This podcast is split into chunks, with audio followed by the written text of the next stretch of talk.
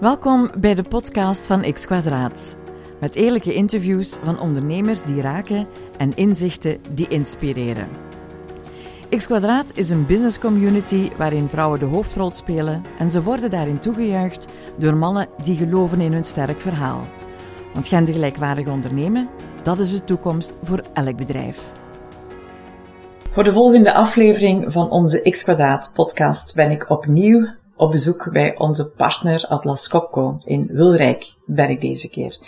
Dus daar ben ik naartoe gereden. Um, het is hier ontzettend groot. Het lijkt bijna een dorp. En ik heb dan ook uh, aan mijn collega, van niet collega, want je bent geen collega, maar ondertussen voelt dat hier bijna aan. Alsof mensen collega's zijn geworden. Sabine Tilsley heb ik gevraagd hoeveel mensen hier op de plant werken. Dat zijn er ongeveer om nabij 3000, zei je, hè? Ja, dat klopt. Ja, Oké. Okay. Nu, Sabine, jij bent communicatiemanager Holding Benelux en Senior Legal Counsel Brands and IP. Dat vind ik al een hele mond vol. Dat klinkt ook alsof je eigenlijk best wel een drukke agenda gaat hebben. Dus heel erg bedankt dat je ertussendoor toch ook nog even de tijd nam om met ons te babbelen.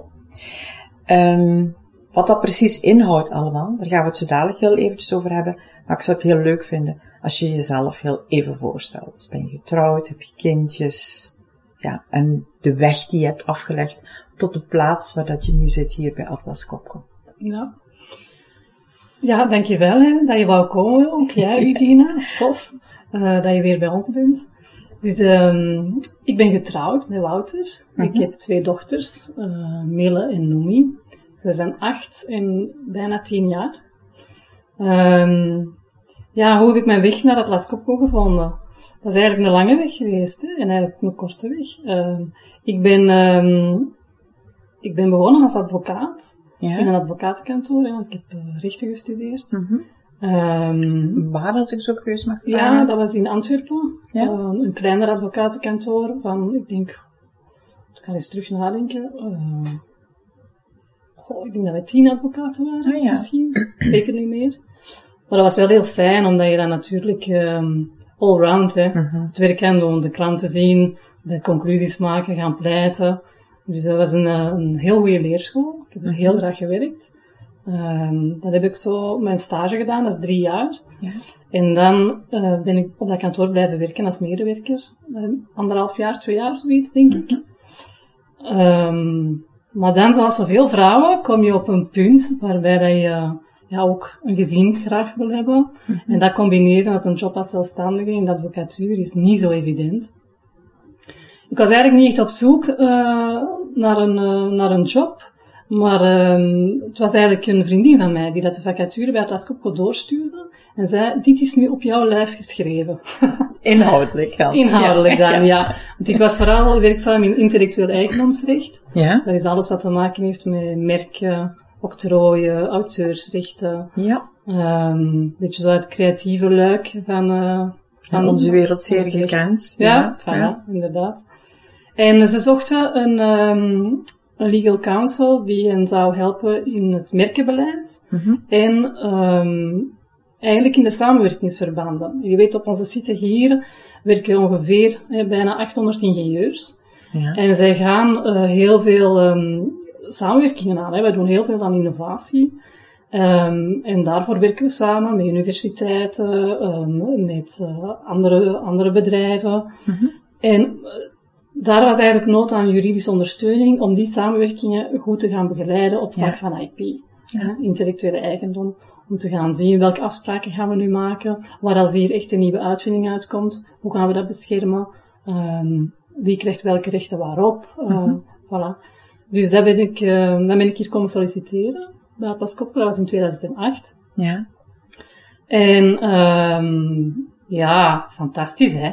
Ik had, ik had helemaal niet door dat er achter mijn, mijn hoek, om, om zo te zeggen, zo'n groot bedrijf was, dat internationaal actief was. Dat was voor mij echt onbekend. Ik heb, ik heb gestudeerd aan de Universiteit um, uh, van Antwerpen, ook in Wilrijk hier. Mm -hmm. Dus ik ben hier vaak voorbij gereden. Ik heb me nooit gerealiseerd dat hier... Uh, ja. wat, een, wat, wat voor een groot bedrijf dat het eigenlijk is. Inderdaad. Ja.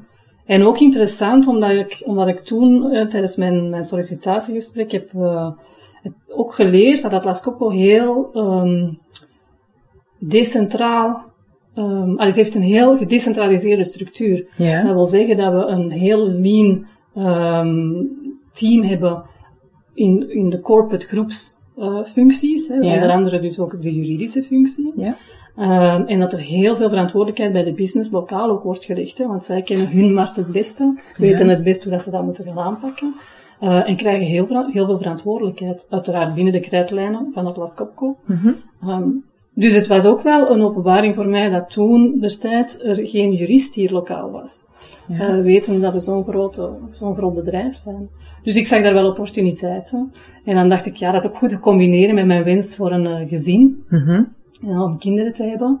En dan ehm, heb ik de sprong naar de privé gemaakt.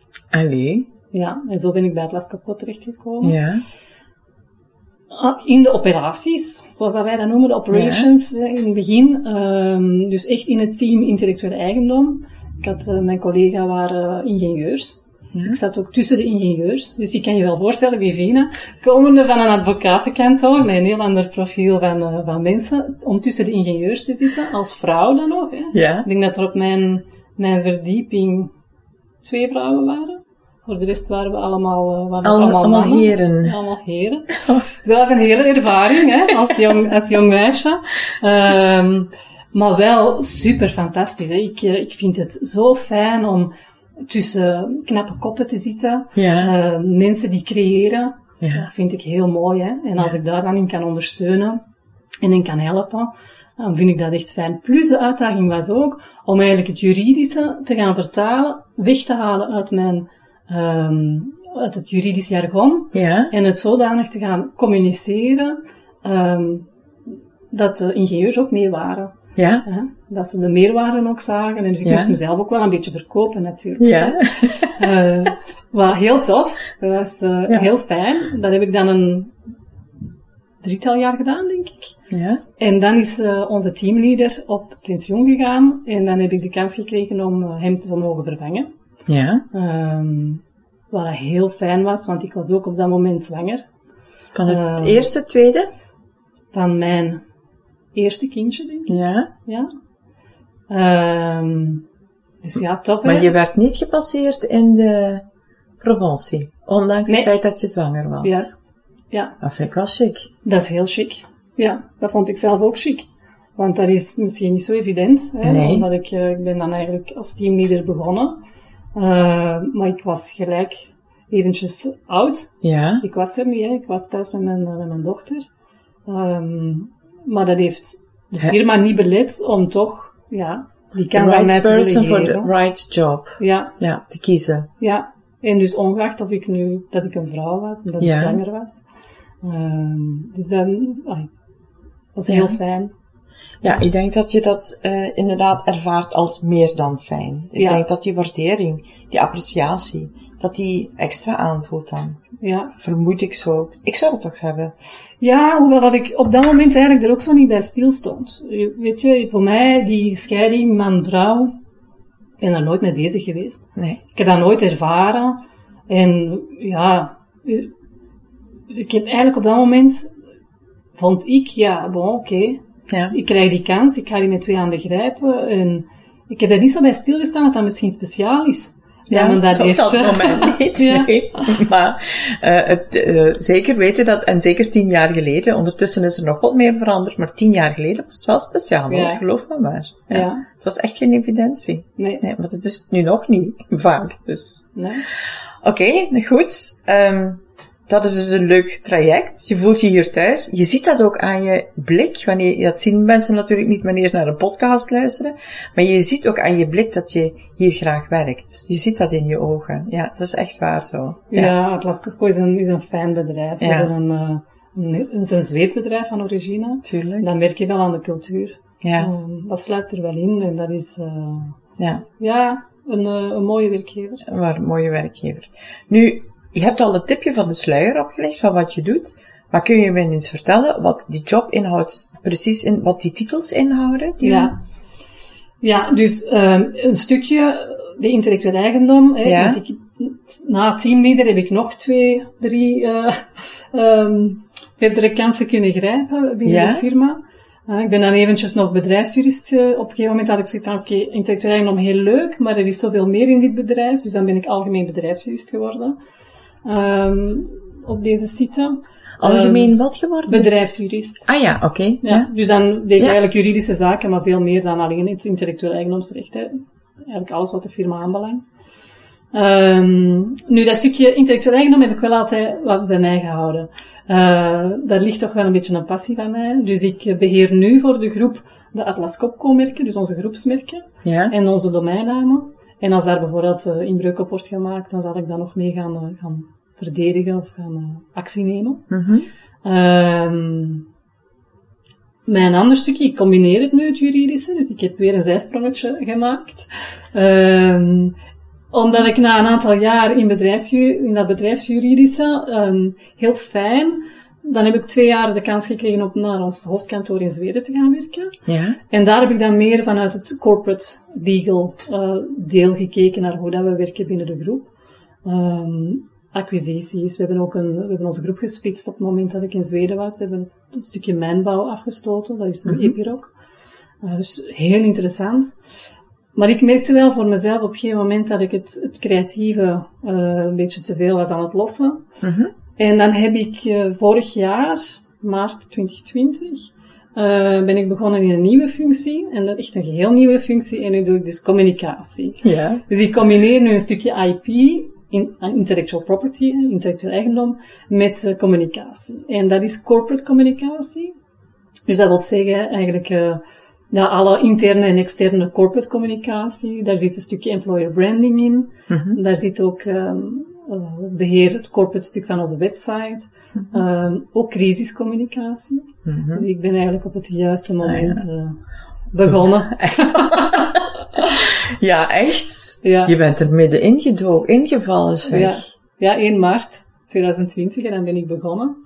Um, ja, en in half maart ging de wereld in lockdown. Ja, en we hebben onze eerste communicatie hier in, um, op deze site in Wilrijk 28 februari uitgestuurd naar onze medewerkers. Ja. En we zitten ondertussen aan nummertje 99.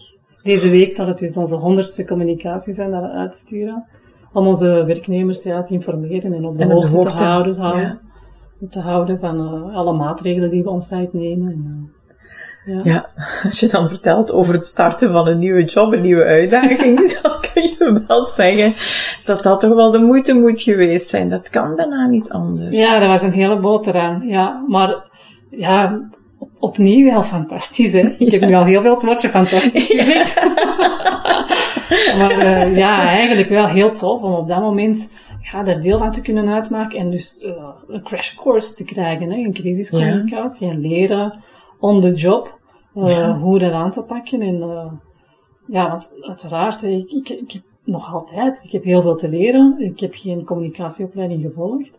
Nu, ik ken natuurlijk, ik ken de groep wel, hè. Ik ja. ken Atlas Copco. Ja. Dat, oh ja, dat geeft natuurlijk wel een beetje, dat is ook een meerwaarde, uiteraard. Uiteraard, sowieso. Ja. Ja. Maar het was, uh, het was heftig, ja. Dat kan ik me voorstellen, dat dat pittig is geweest. Trouwens, je zegt je bent in Zweden geweest. Is jouw familie meegegaan? Of ben jij alleen, heb je, ben je alleen in Zweden verbleven? Dat je regelmatig terug naar uh, België kwam? Nee. Of is je familie meegegaan? Ja, mijn familie is meegegaan. Dus mijn man is meegegaan met twee kindjes, met twee dochters. Ze waren toen drie en vijf. Ja. Dat is ook zo de goede leeftijd, denk ik. Ja. Om, om uh, zo'n avontuur aan te gaan. Ja. Mijn man is uh, leerkracht. Dus Ja. die heeft um, op dat moment uh, ja, een time-out genomen. Ah, oké. Ja. En um, we hebben het er uiteraard op voorhand wel over gehad. Hè. Hoe, zien we dat, hoe zien we dat gebeuren? En, Mhm. en hij zei van, oké, ik, ik neem een time-out. Kwam eigenlijk ook voor hem op een goed moment. Hij is Ja. leerkracht buitengewoon onderwijs. Um, toen toch al 16 jaar, denk ik. Um, dus allee, Dus die rustperiode voor hem kwam Ja, op zich ook goed Ja. uit. Ik bedoel, het is niet dat je hem moet meeslepen, nee. maar die break kwam dan om zichzelf weer even tot rust te komen. Want ik denk dat het Ja. bijzonder onderwijs inderdaad ook veel van je vraagt. Ja. Ik bedoel, mentaal gezien. Ja, ja, ja, dat is waar. Nee, nee, ik heb hem zeker niet meegesleept. Nee, nee. Het is voor nee, nee. Jullie zijn ook weer samen teruggekomen, dus dat ja, ja, ja. ja. Het Oké. ook niet lukken. Hè. Als, je man er niet volledig achter staat, dan, Nee. dan gaat het. niet. Je moet als gezin... Je bent heel erg op elkaar aangewezen hè, op, eh, in die twee jaar. Je spreekt de taal niet. Je kent in het begin nog geen mensen. Voor, voor mij is het ook nieuw. Ik heb collega's, ik ga elke dag werken. Ik heb daar mijn uitdagingen. Maar mijn man zat wel thuis met de Mhm. kinderen. Mhm. Dus dat is, eh, dat is wennen, hè. Ja, dat is weinig. Ja. Oké, dan komen we dus terug. Dan krijgen we corona. En dan begint de communicatie hier. ja. Hoe, hoe zwaar heeft dat doorgewogen hier binnen de plant? Of binnen de site? Ja, ik denk, ehm je bedoelt de crisis, hè? Ja. Ja, ik denk, eh, zoals elk bedrijf, hè, dat heeft zeker eh, impact gehad, hè, uiteraard. Wij hebben ook eh, op heel korte termijn moeten omschakelen. We moesten veiligheidsmaatregelen nemen. Dat kon natuurlijk niet van de een op de andere dag. Daar heb je niet. tijd voor nodig. Zo'n grote site, 3000 man. Dat is niet zo evident hè, om, Nee. om dat te doen, om dat ook goed te communiceren naar iedereen, wat dat we dan juist eh, eh, gedaan hebben. Dus er is een taskforce opgericht, ehm, die dat dan ehm, soms zelfs dagelijks bijeenkwam in het begin. Ehm, nu zitten we op een, ehm, nu doen we het wekelijks. Ja. En we hebben dan eigenlijk veiligheidsmaatregelen gaan nemen. En die hebben we, ehm, daar hebben we ook een filmpje van opgenomen, een video. Ja. Om te laten zien aan onze werknemers, ja, hoe is het hier nu veranderd en, en waaraan moet je nu voldoen om hier veilig te kunnen komen werken. En ook naar de families was dat wel belangrijk. Hè? Ja. Dat ook de families wel het gevoel krijgen, allee, of zeker kunnen zijn, dat we er alles aan doen om het zo veilig mogelijk te maken op onze site. Ja. En dat de mensen niet ziek zouden worden. Nee, Heb je enig idee of jullie mensen hebben moeten afgeven? Weet je dat? wat bedoel je? Ja, met 3000 personen. Bedoel, het heeft toch wel heel erg gewoed, corona? Ja, Ja. we hebben verschillende werknemers gehad die inderdaad ja, corona hebben, hebben Gehad. gehad. Hm. En we hebben spijtig genoeg ook één collega eh, Verloren. verloren ja. Ja, toch. Ja. Jammer, hè? Ja, dat bedoel, je weet nu niet of dat hier was of zo, maar het is gewoon een collega. Dat maakt dan niet uit of je met 3000 mensen bent. Als het een collega is, is het een collega, hè? Ja. Ja. Dat kan ik me voorstellen dat dat een hele impact heeft. Heeft te meer, in het begin wist men gewoon echt niet hoe dat die ziekte zich precies verspreidde. Het was dus een zoektocht geweest voor velen. Ja, dat klopt. Nu Ja. hebben, we hebben ook geluk met zo'n grote site dat we natuurlijk een medische dienst on-site hebben. Mhm. Dus ook, eh, ja, zij hebben zich ontzettend goed ingezet. En we hebben eigenlijk, als je het, wat je wel ziet, is dat, dat de- we zien de trends van de buitenwereld, zien we natuurlijk ook eh, in onze populatie, hè, Ja. van, van werknemers, die 3000 man. Maar we hebben, we hebben kan ik, dat kan ik echt zeggen, we hebben echt ehm, de crisis goed het hoofd geboden. Ja. En eh, chapeau aan onze medische dienst. Ook hoe dat zij dat hebben opgevangen, hebben doorgewerkt, hebben getest, eh contacttracing hebben gedaan, Ja. veiligheidsbarrières hebben gecreëerd. Ja. En niet alleen hen natuurlijk, hè, want het is elke medewerker. Ja. Het is eh, fantastisch hoe elke medewerker toch zijn best heeft gedaan om het zo veilig mogelijk te maken, om zich aan die soms erg vervelende maatregelen, om die daaraan te houden, om ook aan de bedienden om zich te isoleren, de arbeiders om te komen, onze field service engineers die toch maar naar de klanten zijn gegaan op een zo veilig mogelijk- mogelijke manier. We hebben al bij al eh, ja, de crisis goed doorstaan, denk ik. En Ja. het warme is, en dat mocht ik natuurlijk communiceren in de communicatie, is die warmte dat je hebt gevoeld onder de collega's. En Ja. dat we elkaar hebben gesteund en hebben echt als een ploeg ehm, ja, Ja. deze crisis hebben gedragen. Ja. En ja, nee. ik zal het nog eens zeggen, fantastisch. Ehm, heb jij, waar zie je jezelf bijvoorbeeld binnen dit en vijf jaar staan? Eh, Je hebt nu al, dat is, want je hebt je, je krijgt hier de mogelijkheid, en dat heb ik al met elk interview gehad, om je hier te ontplooien. Hè? Je Ja. mag, het- het intrapreneurschap wordt hier heel erg gewaardeerd in dit bedrijf. Ja. ja. Waar zie je jezelf dan staan? Binnen dat intrapreneurschap binnen vijf jaar? Dat vind ik nu een beetje een moeilijke vraag. Ehm, Omdat je je happy voelt waar je nu, omdat je je zo happy voelt waar dat je nu bent? ja, en misschien omdat ik nu ook nog niet zo lang in een nieuwe rol zit. Ja. En omdat ik die rol nog, nog heel hard moet uitbouwen. Misschien binnen vijf jaar, dan zie ik mij dat ik, dat ik daarin ben gegroeid. Mhm. En dat ik effectief die rol eh, meer heb uitgebouwd. Ehm, Maar verder dan dat denk ik nu nog niet na. We zien wel. ik denk het feit dat jullie hier uit die crisis zijn geraakt, op zich is al een uitdaging geweest. Dus eh, die volgende uitdaging, dat mag nu nog heel eventjes op zich laten voilà. Ik heb nu het gevoel dat ik inderdaad nog altijd in de uitdaging van de nieuwe job zit. dus uh, de volgende uitdaging, dat zien we wel. Dat is dan weer voor de, de volgende. Ja. Um, nu, jullie hebben er ook voor gekozen om uh, X kwadraat te ondersteunen uh, in ons verhaal. Um, en aangezien dat jij daar een groot stuk voor, allee, het gedragen, de drager bent van, en wij in de toekomst waarschijnlijk toch wel wat gaan samenwerken om die communicatie goed op elkaar af te stemmen. Waarom hebben jullie ervoor gekozen om onze missie mee te ondersteunen? Um, ik vind het ook fijn, Vivina, dat je spreekt over gendergelijkwaardigheid. Ja. want voor mij persoonlijk, gendergelijkheid, dat is het niet. Het is niet gelijk. We zijn niet gelijk. Mannen en vrouwen zijn niet gelijk. Maar moet dat een probleem zijn? Ik denk het niet. En dus het is die gelijkwaardigheid als volwaardig gaan zien worden als mens, ongeacht of dat je nu man bent of dat je vrouw bent, ongeacht van welke achtergrond je komt, uh, in welke, welke politieke overtuiging dat je hebt, uh, welke ras dat je hebt, mhm. welke religie dat je doet. Um, je bent volwaardig als mens en ik denk dat dat belangrijk is. Dus gendergelijkwaardigheid is wel het juiste woord voor mij persoonlijk. Mm ja, jullie organisatie is, uh, is een organisatie die zich echt inzet hè, om gendergelijkwaardigheid teweeg te brengen.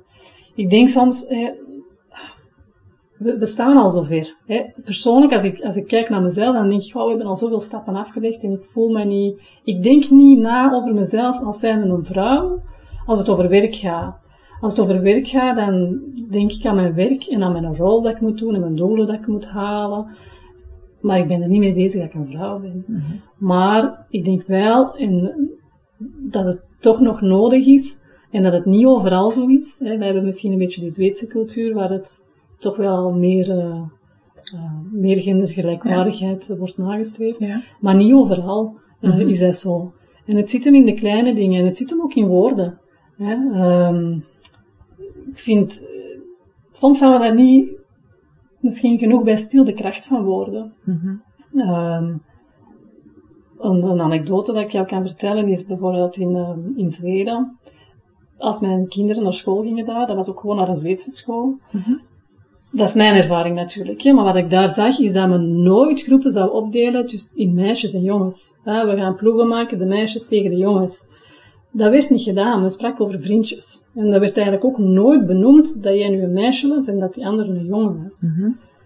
Hier zie ik dan, als mijn kinderen bij huis terugkomen, en dan was ik gaan verschoten, heb ik gezien, dan werd er een vraag gesteld in een bundeltje. Geef eens een voorbeeld van een typisch jongensspeelgoed. Of van een typisch meisjesspeelgoed. En dan denk ik, oh, dit, dit is zo spijtig. Ja. Omdat het, het gaat niet over wat is nu typisch jongens, wat is nu typisch meisjes. Het gaat gewoon over, ja, wie ben jij? Uh, wat doe jij? Hoe ga je vooruit in het leven? Wat zijn jouw waarden? Um, vandaar, het is zo belangrijk om, om inderdaad de gendergelijkwaardigheid uit te dragen, om die vooroordelen die er toch nog altijd zijn, of die erin slapen, on, onbewust soms om die aan te pakken. Ja. En jullie organisatie probeert dat bij bedrijven te doen, om aan bewustmaking te doen. En ik denk dat het, dat het daar begint. Hè. Mhm. Quota is één ding dat we hebben gezien. Dat is, dat is ook wel nodig misschien om een bepaalde uh, verandering in gang te brengen. Maar het is ook die bewustwording rond vooroordelen, rond hoe dat we dingen benoemen. En dat begint al heel vroeg natuurlijk. Mm Dus uh, ik denk dat ja, heel fijn is hoe x kwadraat aan die kar probeert te trekken in België en bij onze bedrijven. Maar het is ook, uh, ook duidelijk om te zeggen, ik vind het leuk dat je, dat je dat antwoord geeft, maar van de andere kant is het ook zo dat het ook is dankzij bedrijven zoals jullie, zoals Atlas Copco, die ons de mogelijkheid geven om het te doen. Want je, alleen, alleen ben je maar een eiland, hè? en niemand is in wezen een eiland. Integendeel, dat zouden we helemaal niet mogen zijn. Maar het is net doordat jullie keuzes maken om te zeggen van, er is iemand die het initiatief neemt, laten we die persoon helpen, om iets harder te kunnen roepen in de woestijn. En, en dat is hetgeen wat ons helpt dan weer. Dus dan vind ik het leuk dat we een wisselwerking hebben onder elkaar. Ja, ja. helemaal waar. Nu, um, jullie zitten hier natuurlijk met een, een gegeven. Uh, alles is hier nogal technisch gericht. En we hebben het dan over de stemgerelateerde opleidingen van uh, Science, Technology, Engineering en Mathematics. Um, waarom denk jij dat het nog moeilijk blijft om vrouwen warm te maken om, dit, om die keuzes te maken naar stemgerelateerde opleidingen, maar ook naar carrières in, in die richting? Hmm. Ja, dat begint heel vroeg, denk ik, hè, bij jongeren. Jongeren moeten eigenlijk worden warm gemaakt. Hè. Ja. Niet alleen jongens, maar ook meisjes. En we hebben al gezien dat zo tussen de, de leeftijd van 10 tot 14 jaar, dan zijn ze eigenlijk het meest ontvankelijk. En eigenlijk is dat de periode waarin dat, dat ze eens moeten kunnen proeven mhm. van stem. Um, wat is dat dan? Wat is stem? Um, wat is wetenschap? Maar ook, wat is de waarde daarvan? Mm um, in het grotere geheel, hè? wat kan ik er later mee gaan doen? En ik, ja, proberen we toch de meisjes meer, uh, want we moeten een goede instroom hebben. We zien dat de instroom nog te laag is. Um, waardoor je natuurlijk, je kan maar recruteren uit een pool die er is. Uiteraard. Dus het, het, het komt er echt op aan om de jongeren en de jonge meisjes vroeger kennis te laten maken met stem. Uh, natuurlijk, ja, is een schoolomgeving daar ja, de perfecte uh, ja, basis om, om, om dat te doen. Um, maar dan niet met vragen stellen van wat is het voordeel, wat is het leukste speelgoedje voor een jongetje en het leukste, wat is het leukste speelgoed voor een meisje. Nee, Ik denk dat we dan van die basis sowieso moeten gaan afstappen. Daar gaan we sowieso van moeten afstappen. Ja, ja. Dat, dat hokjes denken moet er echt wel uit. Um, nu, ik ga ervan uit dat dat gewoon een kleine misstap was. ik hoop het. En dat we daar toch niet meer, naar, uh, niet meer naartoe gaan, maar dat we ook niet, dat we ook meisjes laten zien van, oké, okay, als je hier een wetenschappelijk proefje doet, uh, ja, ik zelf ben daar nooit mee in aanraking gekomen, bijvoorbeeld. Mm dus, uh, en ook niet iedereen, niet voor elk meisje is dat daarom de juiste richting. Maar als je al niet mee in aanraking komt, het al nee. niet leert, uh, misschien ook naar ouders toe, beter de platformen vinden. Dat kan dan ook via, via de school gebeuren. Um, bij het Laskopco proberen we nu um, daarop in te zetten met technolinia's. Mm -hmm. Je zal er al wel van gehoord hebben. Ja. Waarbij dat we kinderen uitnodigen van onze medewerkers en ze laten proeven hè, ja. van, uh, van technologie. En, uh, en hoe leuk dat dat kan zijn. En hoe leuk dat dat kan zijn, ja. ja. En ik denk, ja, zo, als het kan met video, gamification, ja, ja dan heb je sneller, um, of de... leuke proefjes. Hè. Ja. We hebben nu uh, bij het ook meegewerkt uh, aan, een, aan een campagne van Dat is Geniaal. Um, en dat zal je op de website vinden van dasgeniaal.be. Um, daar staan verschillende video's op om te laten zien, samen met een kindreporter zijn ze hier geweest, om te laten zien, oké, okay, wat kan je nu eigenlijk doen met een stemopleiding als je die hebt gehad? waar kom je dan terecht en, en waartoe dient dat? Uh -huh. Maar ook hebben we challenges gedaan met een aantal influencers, om zo toch in de leefwereld van de jongeren terecht te komen. Um, en dat spreekt wel aan, denk ik. En daar moeten we gewoon veel meer nog op, uh, op inzetten. -huh. Ja. Ja, er is nog werk aan de winkel. Maar het is goed wanneer het eens effectief ook geplaatst wordt en gezegd wordt. Ja. ja. We kunnen het nooit genoeg laten horen dat het nodig is. Ja. Um, waar liggen op dit moment voor jou de grootste uitdagingen binnen Atlas Copco op dit ogenblik? Op dit ogenblik voor mij is dat, um, ja, is dat gelinkt aan mijn nieuwe rol hè, in die communicatie ja. nog. Hè. Ik, um, ik moet daar nog erg in groeien. Um, er zijn nog heel veel tools die dat ik mijn eigen moet maken. Mm -hmm. Ik heb voor mezelf, want dat doe ik dan wel heel hard, ik heb wel voor mezelf doelen vooropgesteld van zaken die dat ik op korte termijn en op lange termijn wil bereiken nog in, uh, de persoonlijke in KPI's. Ja, ja, voilà.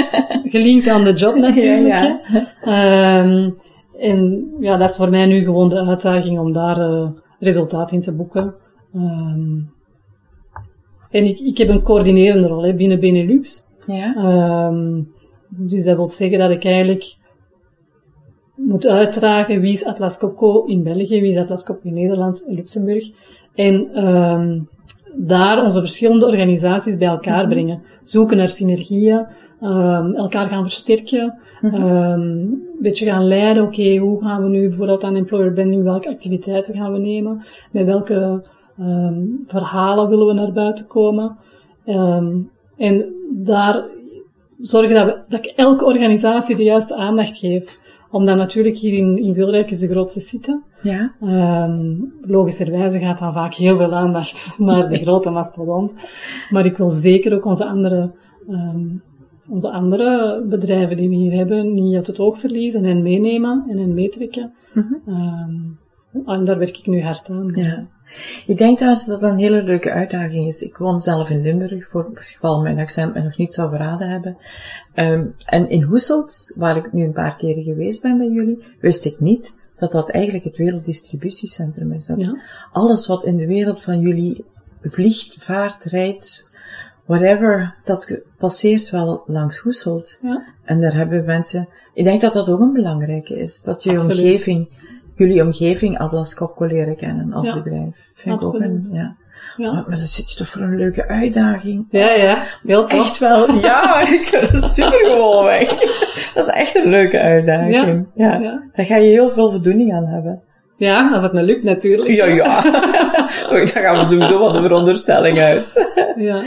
Nu, je hebt uh, rechten gestudeerd. Is dat trouwens iets wat je altijd als kind ook al wou doen? Nee. Oh. nee. En um, na mijn rechtenstudies, Uvina, Ja. heb ik gezegd dat ik nooit nog iets meer rechten ging doen. je bent er bijna in gelukt. ik ben het bijna niet gelukt. Nee, nee, want ik heb de eerste twee jaar uh, recht van mijn rechtenstudie vond ik fantastisch, maar dan kreeg ik algemene vakken zoals sociologie, psychologie, logica. Super interessant. Maar dan de laatste drie jaar was het echt puur recht en dat was, ja, dan had ik het al iets, ietsje lastiger. En na mijn uh, rechtenstudies had ik gezegd, ik ga niks niet meer met rechten doen. En dan heb ik eigenlijk, want dan wou ik in het buitenland studeren. Ik heb een, uh, een zwak voor talen, dan wou Ja. ik mijn Frans verbeteren. En dan heb ik, uh, ben ik gaan zoeken naar opleidingen. Uh, in Toulouse heb ik dan, het zuiden van Frankrijk, heb ik dan mijn kandidaat gesteld voor een, uh, voor een opleiding interne en externe communicatie.